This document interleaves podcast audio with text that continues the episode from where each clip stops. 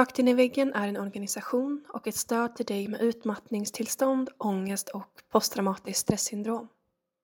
I de här avsnitten, som vi kallar för personlig podd, berättar gästen sin historia utifrån sitt perspektiv och med sina egna ord. Du är varmt välkommen att återkoppla till gästen eller till oss på Rakt in i väggen efter att du har lyssnat på ett avsnitt. Vi hoppas att du får en givande lyssning och tack snälla du för att du tar dig tid att lyssna. Att spela in den här podden känns väldigt läskigt. Ehm, jag tryckte bara på start här nu och jag vet att jag inte kommer stänga av utan jag, jag kommer dela från hjärtat ehm, utifrån det som har hänt eh, främst de senaste åren men ja, egentligen i hela mitt liv. Jag kommer dela från det att jag var en liten flicka till den jag är idag och hur det här hänger ihop och har bidragit till min utmattning. Och jag tänkte att jag skulle börja med att läsa upp ett, eh, en text som jag delade på Instagram för ungefär tre år sedan. När min eh, son var ett år. För att eh, min, eh, just att bli mamma var det som fick bägaren att rinna över för mig. Och det var då som jag drabbades av utmattning. Så här skrev jag. Det senaste året har jag verkligen fått känna på begreppet stark-svag att vara både stark och svag på samma gång. Det har varit det tuffaste året i mitt liv. Motgångarna och utmaningarna har kommit en efter en, likt en storm och rört upp livet gång på gång. Stark sömnbrist, utmattning, kämpande mot myndigheter för att nämna lite. Men här står jag idag, mörbultad men samtidigt så mycket starkare och med många nya insikter. Jag har fått större förståelse för andra människor och framför allt har jag fått större förståelse för mig själv. Jag är så stolt över mig själv och allt jag gör varje dag. Allt jag gör för min son och allt som han ger tillbaka till mig. Och det absolut viktigaste jag tar med mig är att efter regn kommer solsken. Det är genom de där jobbiga och utmanande stunderna som man utvecklas och framförallt uppskattar ljuset i livet. Och jag sitter här i mitt sovrum med eh, min hund Nala bredvid mig. Och jag tittar på min, eh, min tatuering som jag har på min eh, högra underarm. Där har jag tatuerat in ett väldigt liksom hårt berg kan man säga, väldigt kantigt berg med väldigt höga kantiga toppar. Och bakom det här berget så ser man att solen kommer fram och kommer upp. Det är precis det här som min resa handlar om och har handlat om. Att oavsett hur tungt och kämpigt livet till och från kan kännas, oavsett hur, hur mycket vi har fått, fått kämpa och just bara att det är som att kliva upp för Mount Everest kan det kännas som ibland. Och vissa dagar är varje dag som att kliva upp eller som att eh, bestiga Mount Everest. Men efter detta så kommer alltid solen tillbaka. Solen kommer lysa på oss igen och vi kommer lysa med våran sol på världen. Och efter de här starka utmaningarna så kommer vi att växa som människor och utvecklas och kunna bidra till den här världen på ett annat sätt, i ett annat, ett annat sken, eftersom vi har fått så mycket nya insikter. Och precis som jag skrev i min text där, en större förståelse för andra människor. För det har verkligen varit en av de sakerna som jag är mest tacksam över under min resa. Att jag har fått en så... Jag, jag, förstår andra människor, jag förstår vad de har gått igenom. De som har gått igenom liknande som jag har gjort. Och jag kan verkligen känna med dem och ge mitt fulla stöd till dem och möta dem där de är. Just då. Men jag ska spola tillbaka tiden lite och börja med att berätta om där allt egentligen började. Vilket var när jag var barn. Jag har alltid varit väldigt, jag har alltid i alla fall känt mig väldigt annorlunda. Väldigt, jag har fungerat på ett väldigt annorlunda sätt och varit väldigt känslig. Um, det här förstod jag inte när jag var barn. Det har jag upptäckt nu när jag eh, är i vuxen ålder. Att, eh, att jag verkligen har varit annorlunda. Då har jag mer slagit på mig själv och tänkt att det är någonting fel på mig. Men eh, idag kan jag förstå varför världen var så himla stor för mig. Jag, eh, jag har liksom alltid sett, upplevt händelser väldigt starkt. Det kan räcka med något, något lite mindre, som att en lärare sa till mig för att jag gjorde någonting som inte var bra. Eller att en kompis la en kommentar. Eller att jag hade för mycket läxor, eh, för mycket att göra, för mycket krav.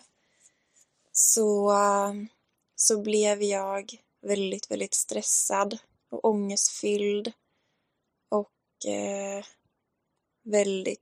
Eh, känslorna tog över hela kroppen på mig. Eh, och jag hade ett väldigt, väldigt fint stöd under barndomen från, från min mamma som alltid har funnits där. och Stöttat mig genom detta och tröstat. Men, och, och i min hemmiljö har jag alltid varit väldigt trygg. Men det har varit ute i världen som jag har känt mig väldigt otrygg. Um, som, som barn så, så upplevde jag ändå att, att det gick bättre. Där kunde jag välkomnas mer som den jag var. Um, eftersom barn är ju ändå barn. Och det var inte lika höga krav i skolan eller bland kompisarna. Man lekte, eh, det var inte så himla noga eh, med status och de här bitarna utan man tilläts vara mer den man, den man var. Men i tonåren så började min ångest bli väldigt stark där var det mycket mer krav från lärarna eh, och skolan. Det var mycket mer att göra. Det ställdes mycket, hö mycket högre krav överlag. Och bland kompisarna blev klimatet mycket, mycket hårdare. Och jag kände mer och mer hur, hur Sanna, hur hur jag inte längre fick plats i världen. Jag, eh, jag räckte inte längre till så som jag var. Utan för att överleva fick jag trycka undan mig själv. För att om jag var mig själv så, så räckte inte det. Då ja, blev jag inte accepterad av kompisarna och jag klarade inte skolan. Ehm, och ja, så jag, eh, min överlevnadsstrategi var att ta bort mig själv och ta på mig en roll. Och det här blev ju väldigt krävande för mig eftersom jag hela tiden var tvungen att, att vara någon jag inte är och det blir väldigt ansträngande att behöva eh, spela någon annan och tänka och liksom förutspå hur jag ska, hur ska jag vara i den här situationen nu, vem behöver jag vara här för att bli accepterad eh, och så vidare. Så att jag började mer och mer att, att ta på mig de här rollerna och bli en väldigt eh, stark people pleaser. Jag ville plisa alla, allt och alla för att bli omtyckt. Och kände inte att jag var värdefull som jag var.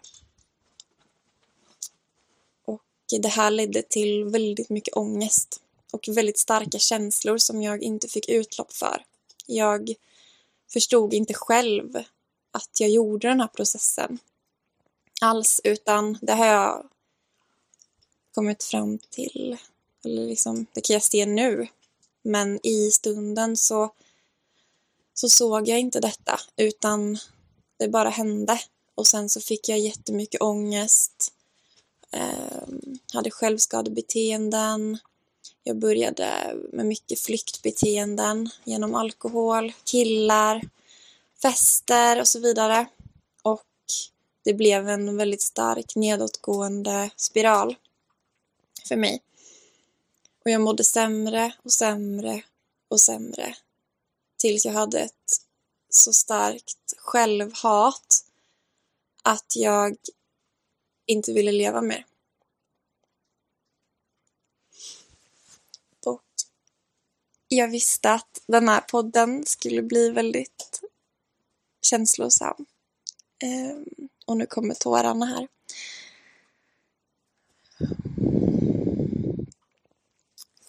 Det, det, det är väldigt känslosamt att se tillbaka så här på de tunga stunderna i livet. Men det jag önskar eller där jag känner att syftet med att jag, att jag delar min historia så här är inte för att jag ska berätta min historia nödvändigtvis utan för att om det är någon där som lyssnar att jag kan bidra till någonting för den personen, för dig som lyssnar. Att eh, du ska känna att du inte är ensam i dina upplevelser och förhoppningsvis eh, ge lite tips och, och råd i hur man kan hitta tillbaka till sig själv och till livet. Mm. Så det var egentligen här det började mycket. Eh, just kring stress och ångest. Och att känna att jag aldrig var bra nog. Att jag blev den här duktiga flickan. Som... Och jag höll ihop mig också väldigt bra utåt sett. Det var mer en, ett inre krig som jag har haft ända sedan tonåren. Jag har inte visat så mycket utåt. Jag har inte det har inte märkts så mycket i skolan, i familjen, inte bland vänner heller utan det har, jag har hållit väldigt mycket för mig själv och alltid tagit ut mina känslor på mig själv. Och det var väl där som det här självdestruktiva och självhatet liksom gjordes på något sätt. Att jag blev större och större i och med det. Men sen så började jag studera på eh, högskolan till eh, socionom när jag var 19, tror jag. Och då träffade jag sen min nuvarande sambo Rasmus. Och eh, det var egentligen här som det började förändras för mig. Um, jag var fortfarande i väldigt mycket ångest och mådde inte jättebra. Jag hade också med mig allt i mitt bagage eh, i den relationen som jag inte hade jobbat med. Så att, men när jag träffade Rasmus så var jag för första gången så kände jag mig trygg i att börja läka. Jag kände att jag fick ett stöd utifrån och att jag hade någon som mötte mig precis där jag var och kunde se mig precis för den jag var och är. Och då började jag läkningsprocessen också någonting som jag skulle benämna som ett slags uppvaknande. Eh, både till mig själv eh, och även till, till världen. Jag började se saker jag inte hade sett tidigare och insåg väldigt mycket saker. Um, så, ehm, så det var väldigt mycket som hände just då. Och jag blev också gravid ganska tidigt. Lite oplanerat. Och eh,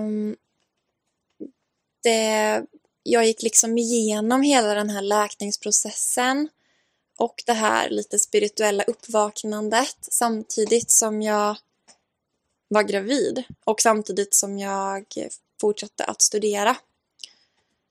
Så jag pressade mig själv ganska mycket utåt fortfarande där och hade fortfarande jättehöga krav i skolan. Och det var... Ja, jag pressade mig alldeles för mycket kan jag ju se nu i efterhand. Och det blev inte heller bättre när sonen föddes och han eh, inte sov. Han vaknade uppemot 30 gånger varje natt. Han eh, skrek på nätterna, eh, var okontaktbar. Vi tror att det var nattskräck, men det var väldigt tidigt han började få det. Så jag fick inte min sömn och det triggade också igång väldigt mycket känslor ehm, eh, kring otillräcklighet som, eh, som mamma. Att, eh, att jag inte kunde göra mitt barn nöjt och glad utan att se honom eh, skrika eller vara arg och ledsen och den här maktlösheten att jag, jag inte kunde hjälpa honom.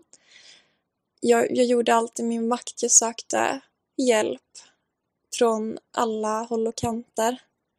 Provade på tusen olika metoder eh, eller sätt att hantera det här. Men ingenting funkade. Och jag fortsatte att studera för jag var fortfarande den här duktiga flickan så jag började studera efter ett halvår och skulle då eh, liksom jonglera studerandet med att ha en bebis som inte sov och det var inte bara att han inte sov utan han var väldigt krävande. Eh, om man läser om eh, High Need Baby så stämmer det in väldigt bra där. Han var väldigt missnöjd, väldigt starkt temperament, väldigt intensiv. Um, det var väldigt, väldigt mycket. Så att en dag när jag vaknade så hade min kropp lagt, lagt av. Jag kom inte upp ur sängen. Det kändes som att jag var apatisk. Jag kunde inte ta mig för någonting. Det kändes som att lyfta min arm var liksom, det gick inte för att det, var, det tog för mycket energi. Det, det är svårt att beskriva exakt känslan i ord men det var som att hela kroppen var så tung som, som bly och jag kunde inte röra den utan jag kunde bara vara stilla och vila och sova. Så um, jag, jag blev sjukskriven här och försökte vila så mycket det gick.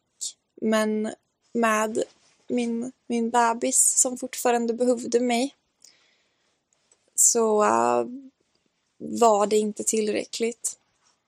Jag, jag vilade så pass mycket att jag ändå kunde fungera. Men jag kunde aldrig riktigt återhämta mig tillräckligt för att verkligen bli återställd. Och det känner jag ju än idag att nu, nu har jag två barn och som är ett och tre år. Snart fyra är min äldsta. Och jag har fortfarande inte i kroppen fått den återhämtningen som jag skulle behöva. Utan eh, jag, jag känner mig till och från fortfarande väldigt utmattad. Och det är väl väldigt vanligt, eh, tänker jag, att, att eh, det hänger kvar. De här symptomen. Och jag märker ju därför att jag, jag har svårt att koncentrera mig. Jag har väldigt svårt att komma ihåg saker. Jag har mycket ångest och är väldigt, väldigt, väldigt stresskänslig. Och eh, ja, och när jag, jag har väldigt svårt att komma ner i varv när det har varit mycket, svårt att sova. Men när jag väl har somnat så har jag svårt att vakna. Mm, och det känns som att jag måste ju just nu köra på. Tyvärr. När, när man är mamma så har man inte så mycket till val. Det jag däremot har gjort, Eh, det ska jag också, jag ska berätta lite om den resan för vi har, vi har valt en ganska annorlunda eh, resa och ett annorlunda liv. Eh, vi,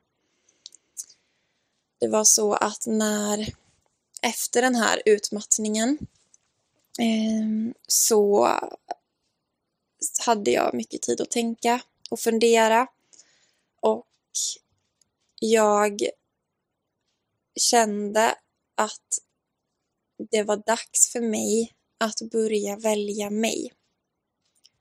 Att börja prioritera mig själv. Att inte längre leva ett liv utifrån andras förväntningar, samhällets förväntningar.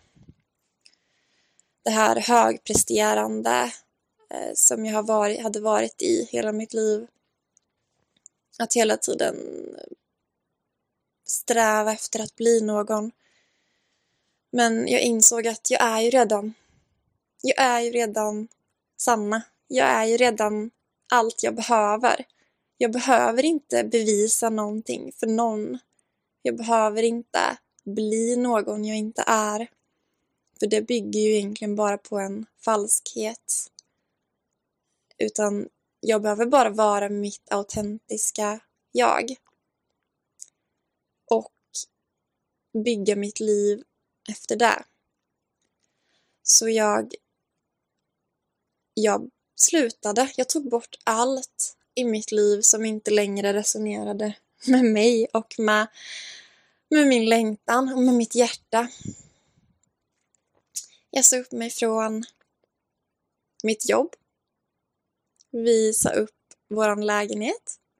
Vi köpte en campervan, eller vi köpte en skåpbil, men vi byggde om den till en campervan. Och gjorde ja, vi flyttade in i den under sommaren, så vi bodde i den under tre månader ungefär. Eh, när jag var gravid med min, min yngsta. Och vi tog dagen precis som den var. Vi fick verkligen smaka på frihet. Det här är det bästa beslut jag någonsin har tagit att göra den resan och det var så mycket insikter och så mycket läkning i, i den resan för mig. Bara att vara i naturen så pass mycket som man var. Det var ju liksom att när man, när man bor i hus då är man ju inne till stor del av dagen och sen så går man ut en liten stund och sen går man in igen. Men när vi bodde i Vänern så var det precis tvärtom. Att vi var ute det normala var att vara utomhus. Och så gick vi in en liten stund för att vila eller laga mat ibland eller ja, gå på toa eller någonting. Och sen gick vi ut igen. Så vi var ute i naturen en, den allra största delen av dagarna. Och sov med våran taklucka öppen så man såg träden, man såg stjärnorna, man såg himlen, man hörde styrsorna utanför, man hörde fåglarna kvittra på morgonen. Man var så nära naturen. Och det var en otroligt fantastisk upplevelse.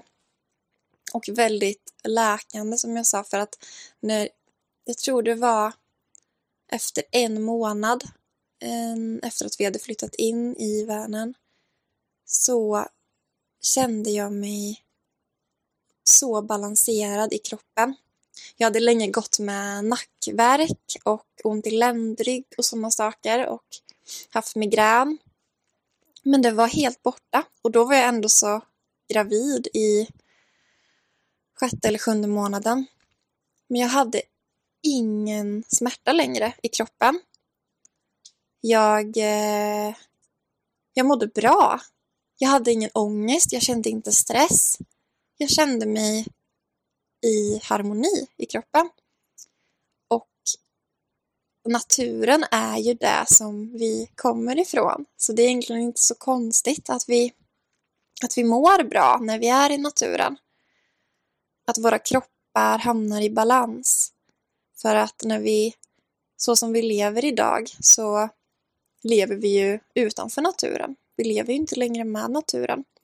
Och då blir det ju det här onaturliga levnadssättet och våra kroppar hamnar också i onaturliga tillstånd. Vilket gör att vi hamnar i obalans och inte mår bra. Så, ehm, så vi valde enkelheten, friheten framför tryggheten och bekvämligheten kan man säga. Och det var verkligen värt det på alla sätt och vis. Sen sommaren efter så gjorde vi en resa till Frankrike och åkte genom Danmark och Tyskland och Frankrike. Och då var också dottern med. Och så då reste vi under två månader. Och hon tog sina första steg vid en strand i Frankrike. Och barnen var ute också då, nästan hela dagarna. Och det som vi, vi, märk, vi har märkt är att det är väldigt stor skillnad i hur barnen mår när vi är mycket i naturen de, varje gång vi har bott i våran van så har de varit i sån balans. De har sovit bra, de har varit mycket lugnare, de har varit mer harmoniska, fått mycket mindre utbrott, mycket mindre konflikter. Medan när vi har bott i hus och lite mer i det här hamsterhjulet så blir det mycket mer konflikter och mycket sämre sömn och ja, mer i obalans. Så att den, den resan var otroligt betydelsefull och eh, vi just nu är vi i läget att vi kikar på hur vi ska kunna hitta en balans. En balans mellan eh, en fast punkt där vi kan jorda oss och där barnen ska få känna trygghet och stabilitet, ha nära till, till familjen, till mormor och, och släkterna. Eh, samtidigt som vi vill bo så nära naturen det går. Vi vill leva så långt utanför det här ekorrhjulet som det går. Så långt utanför den här stressen för att våra barn känner ju av den här stressen som vi vuxna har väldigt mycket. Det här samhället är ju väldigt det är väldigt stressat. Det är alldeles för mycket som vi ska göra om man tittar på våran biologiska natur. Vi måste hela tiden pusha våra kroppar lite extra för att vi ska ja, passa in i det här samhället. Om man till exempel jobbar 40 timmar i veckan så ska man utöver det också ta hand om ett jättestort hus. Man kanske ska, ja man har barn, ska man ta hand om dem, åka på aktiviteter. Man ska hålla uppe liksom sociala kontakter, man ska hinna städa, tvätta, ta hand om trädgård. Man ska handla, man ska ha koll på tider, bokade möten och så vidare och så vidare. Det är ju så mycket vi ska tänka på hela tiden. Vilket gör att våra kroppar är i fight and flight. Och det är det här som vi vill komma ifrån så mycket, eller jag vill komma ifrån så mycket det går. Sen så, som sagt, vi, vi vill hitta en slags balans mellan att vi kanske ändå så behöver en plats där vi kan landa. Men att inte kanske jobba varje dag och att barnen ska gå i förskola varje dag hela veckorna. Utan att vi hittar de här stunderna för återhämtning, för närvaro tillsammans. Och där vi bara ska få vara. Och låta kroppen styra. Och låta kreativiteten styra och nyfikenheten styra. Mm. Så där är vi, jag idag och jag, eh, som jag sa så har jag fortfarande en del efterverkningar från, från min utmattning. Och idag vet jag inte om jag alltid kommer ha det eller om jag kommer kunna läka bort det igen. Sen, eh, sen jag fick eh, min dotter och vi nu har två barn så har det varit väldigt, väldigt intensivt med, med barnen. Speciellt för, för mig som är väldigt högkänslig. Och eh, jag, eh, jag har också börjat misstänka att jag har lite ADD. Ehm, den diagnosen. De går ju lite hand i hand. Men, men att vara mamma och ha, ja, vara mamma till två stycken barn som man har ansvar för dygnet runt samtidigt som man knappt orkar bära sig själv vissa dagar är det absolut tuffaste, kämpigaste jag någonsin har upplevt Och till alla er mammor som lyssnar på det här som har gått igenom eller går igenom liknande så vill jag bara skicka en sån stor styrkekram till er. Vi, vi, vi lever inte så som vi borde göra som mammor. Vi behöver så mycket mer stöd och avlastning egentligen. Vi, det naturliga är ju att vi lever i, i eh, communities, eller som förr i tiden när mormor och morfar bodde i ett hus bredvid, sen kanske en syster och barn bodde i ett annat hus och man sprang mellan husen och, och hjälpte varandra.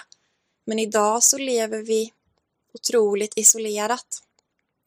Vi, vi har inget eller inget ska jag inte säga, men vi har väldigt lite stöd. Och vi ska liksom ratta kanske två barn själva och ett helt hushåll själva och samtidigt eh, jobba, som vissa gör också. Och det är, det är inte mänskligt att gå igenom det på egen hand utan, utan stöd och avlastning.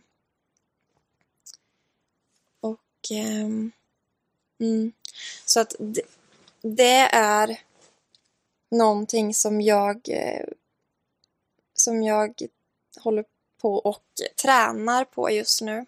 Att hitta tid för återhämtning. Att våga prioritera mig själv som mamma. Jag har haft väldigt svårt för det här. Jag har, eftersom jag har alltid varit otroligt känslig och velat hjälpa allt och alla. Jag har velat hålla allt och alla och jag har satt andra framför mig själv. Andras behov har alltid varit lite viktigare än mina behov. Så har jag också gjort precis samma med barnen. Att bara de är nöjda, bara de mår bra, så spelar det ingen roll att jag ger allt av mig själv och lite till. Um, men det jag, det jag insett är att jag kan inte ge från mig själv när jag inte har någonting att ge ifrån.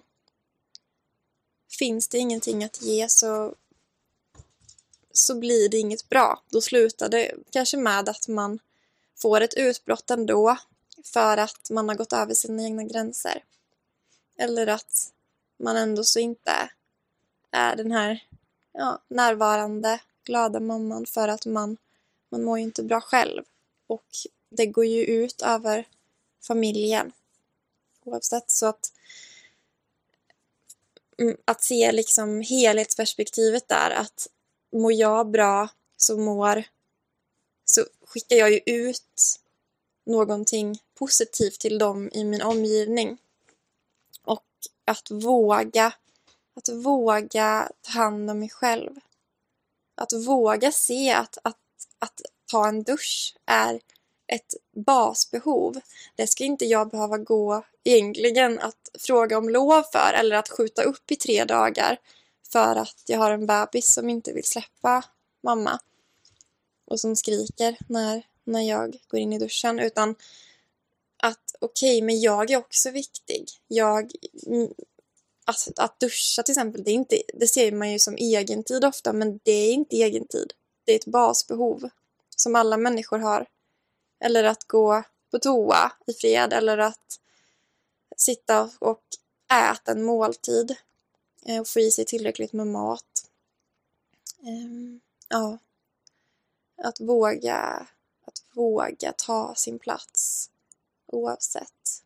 För att också visa barnen att, att mamma är viktig och att andra, andra är viktiga. För att de, de ser ju mamma och pappa som, som sina förebilder. Så att det vi gör tar de ju efter. Om det är så att inte mamma tog hand om sig själv, då kanske min dotter också växer upp och tänker att hon inte heller ska prioritera sig själv och inte ha gränser. Och det, det vill jag ju verkligen inte. Jag vill ju att hon ska ta hand om sig själv och sätt, kunna sätta gränser mot andra. Så, så där är jag nu. Och jag vill också dela min eh, syn på, på hur jävla starka vi egentligen är. Och med det sagt så betyder inte det att vi inte får vara svaga. Man kan ha båda delarna och har man en dag där man där man inte mår bra eller en lång period eller ett år eller två år när man inte mår bra, då är det där man man ska vara. Att lyssna på kroppen. Men att också våga och kunna se sin potential och sin styrka.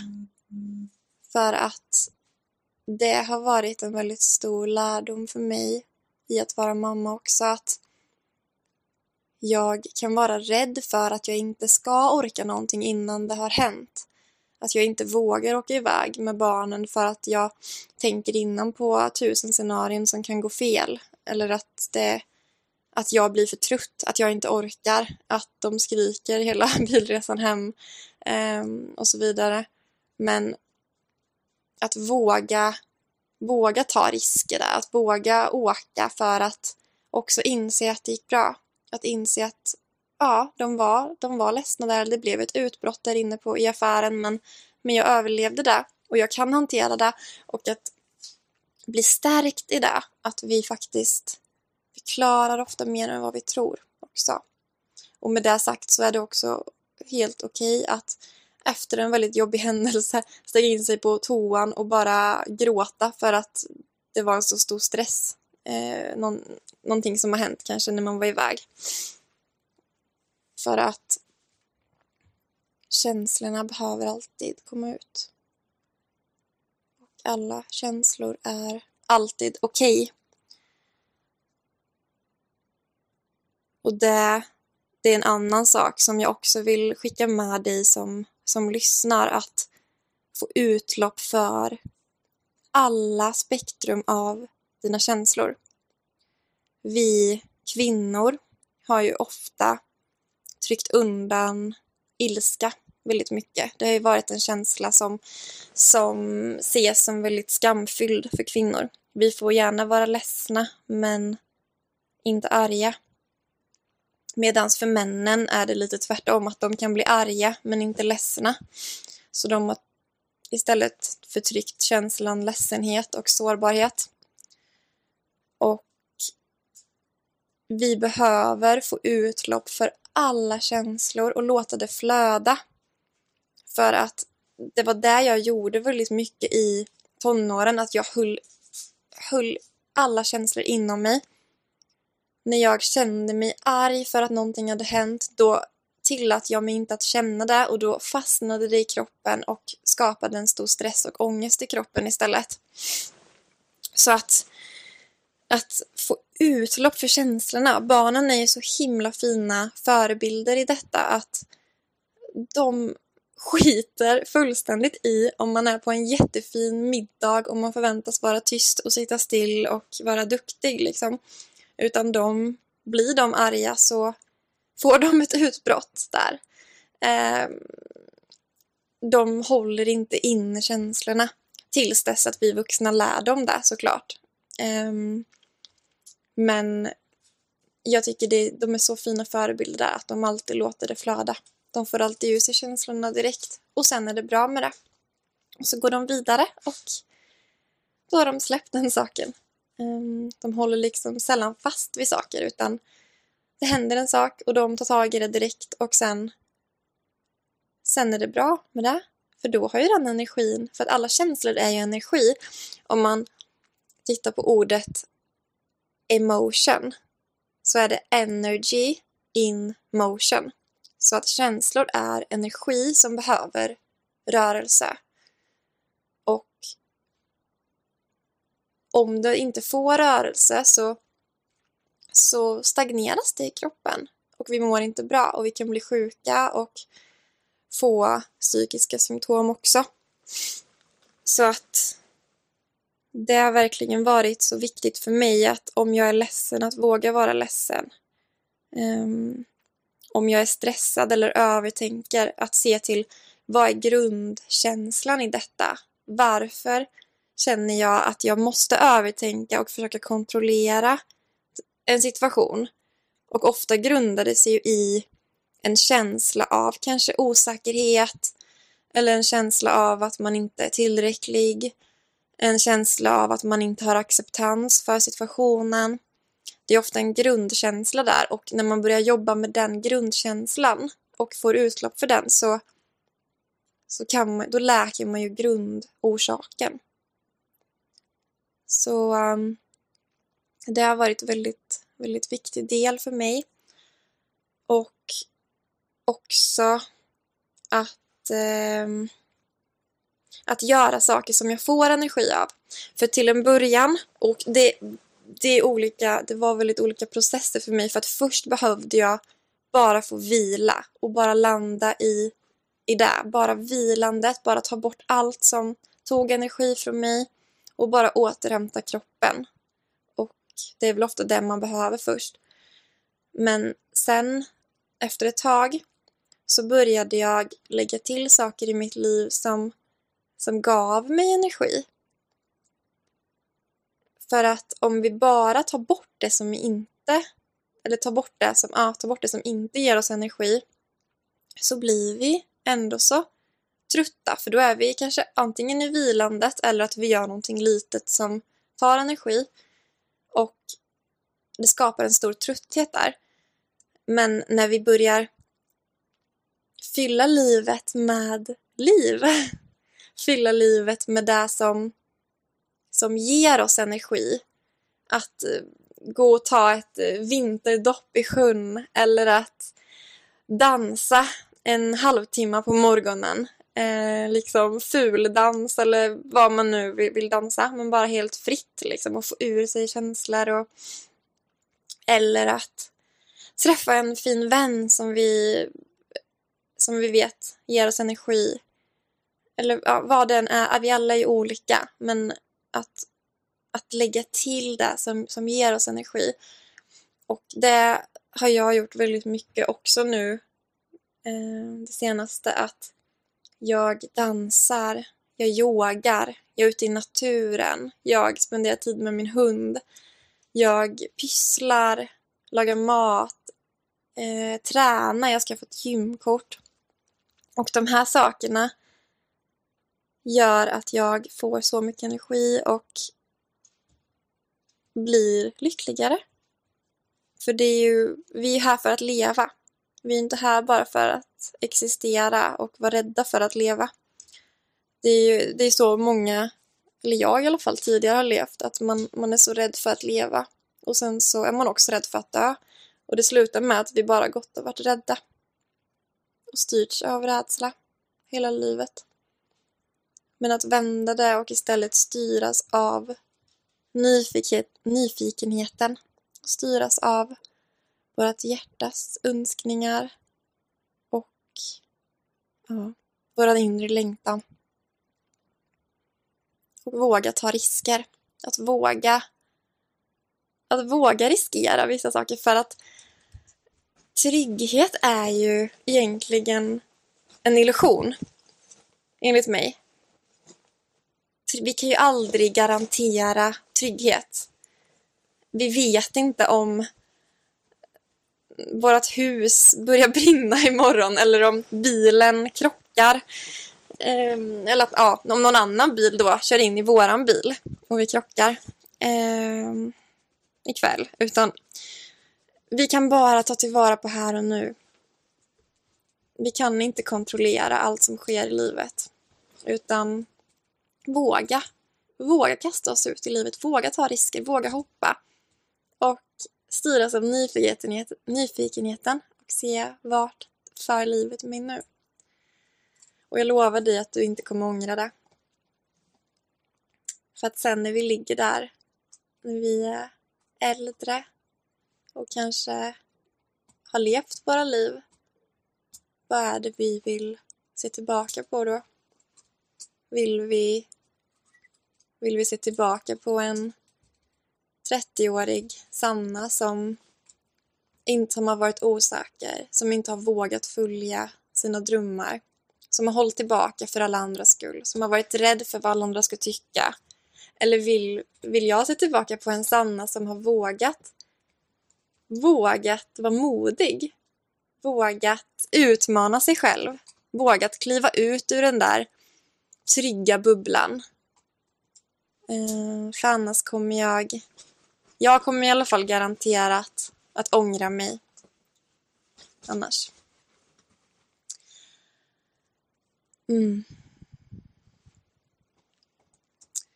Och jag, jag, vill också ta upp att jag eh, jag har, jag, jag, nämnde ju att jag yogar och jag har också utbildat mig till, till yogalärare. Så att är det någon som lyssnar som bor i närheten av Karlsborg, det ligger en liten bit utanför Skövde, så kommer jag hålla en eh, nybörjarkurs i ashtanga-yoga som börjar i februari. Det är fyra tillfällen där det är en balans mellan rörelse och fysiskt, att vara fysiskt aktiv och att vara i återhämtande vila. Det är både yin och yang. Och det är en väldigt fin balans där, både att vi jobbar med att väcka våran inre sol, våran inre kraft, kreativitet och också att, att landa i den här djupa återhämtan, återhämtningen. tillsammans. Eh, och jag kommer också ha kursen på distans via Zoom. Så är det någon som, som känner att det här hade varit någon, något för, för dig så, så finns jag på Instagram och där heter jag Sanna Modin. Och jag har också en, precis startat en Facebook-sida som heter Sannas yoga. Så gå jättegärna in och kika och hör av, hör av dig om det känns intressant. Mm. Mm. Jag, eh, jag känner att det jag har delat idag var det som jag, eh, som jag ville få med. Och jag, eh, jag hoppas att dig som lyssnar att det har varit, att det har bidragit till någonting för dig, att du får med dig lite nya tankar och insikter och framför allt att du känner att kan känna att du inte är ensam. Att vi, vi är så många som, som kämpar. Vi är så många som, som går igenom väldigt tunga och tuffa saker i det tysta. Men det är viktigt att vi vågar berätta, vågar prata om de här sakerna. För att kunna läka tillsammans och för att vi ska ge stöttning och kärlek till varandra i de svåra stunderna. Det är väldigt viktigt. Mm. Tack för mig. Mm. Vill du också medverka i Rakt in i väggens podcast? Besök vår hemsida för mer information på www.raktinivaggen.com medverkan. Om du vill tipsa oss om en poddgäst eller om du har en fråga eller synpunkt på det vi gör kan du alltid mejla oss på podcast raktinivaggen.com för att få svar.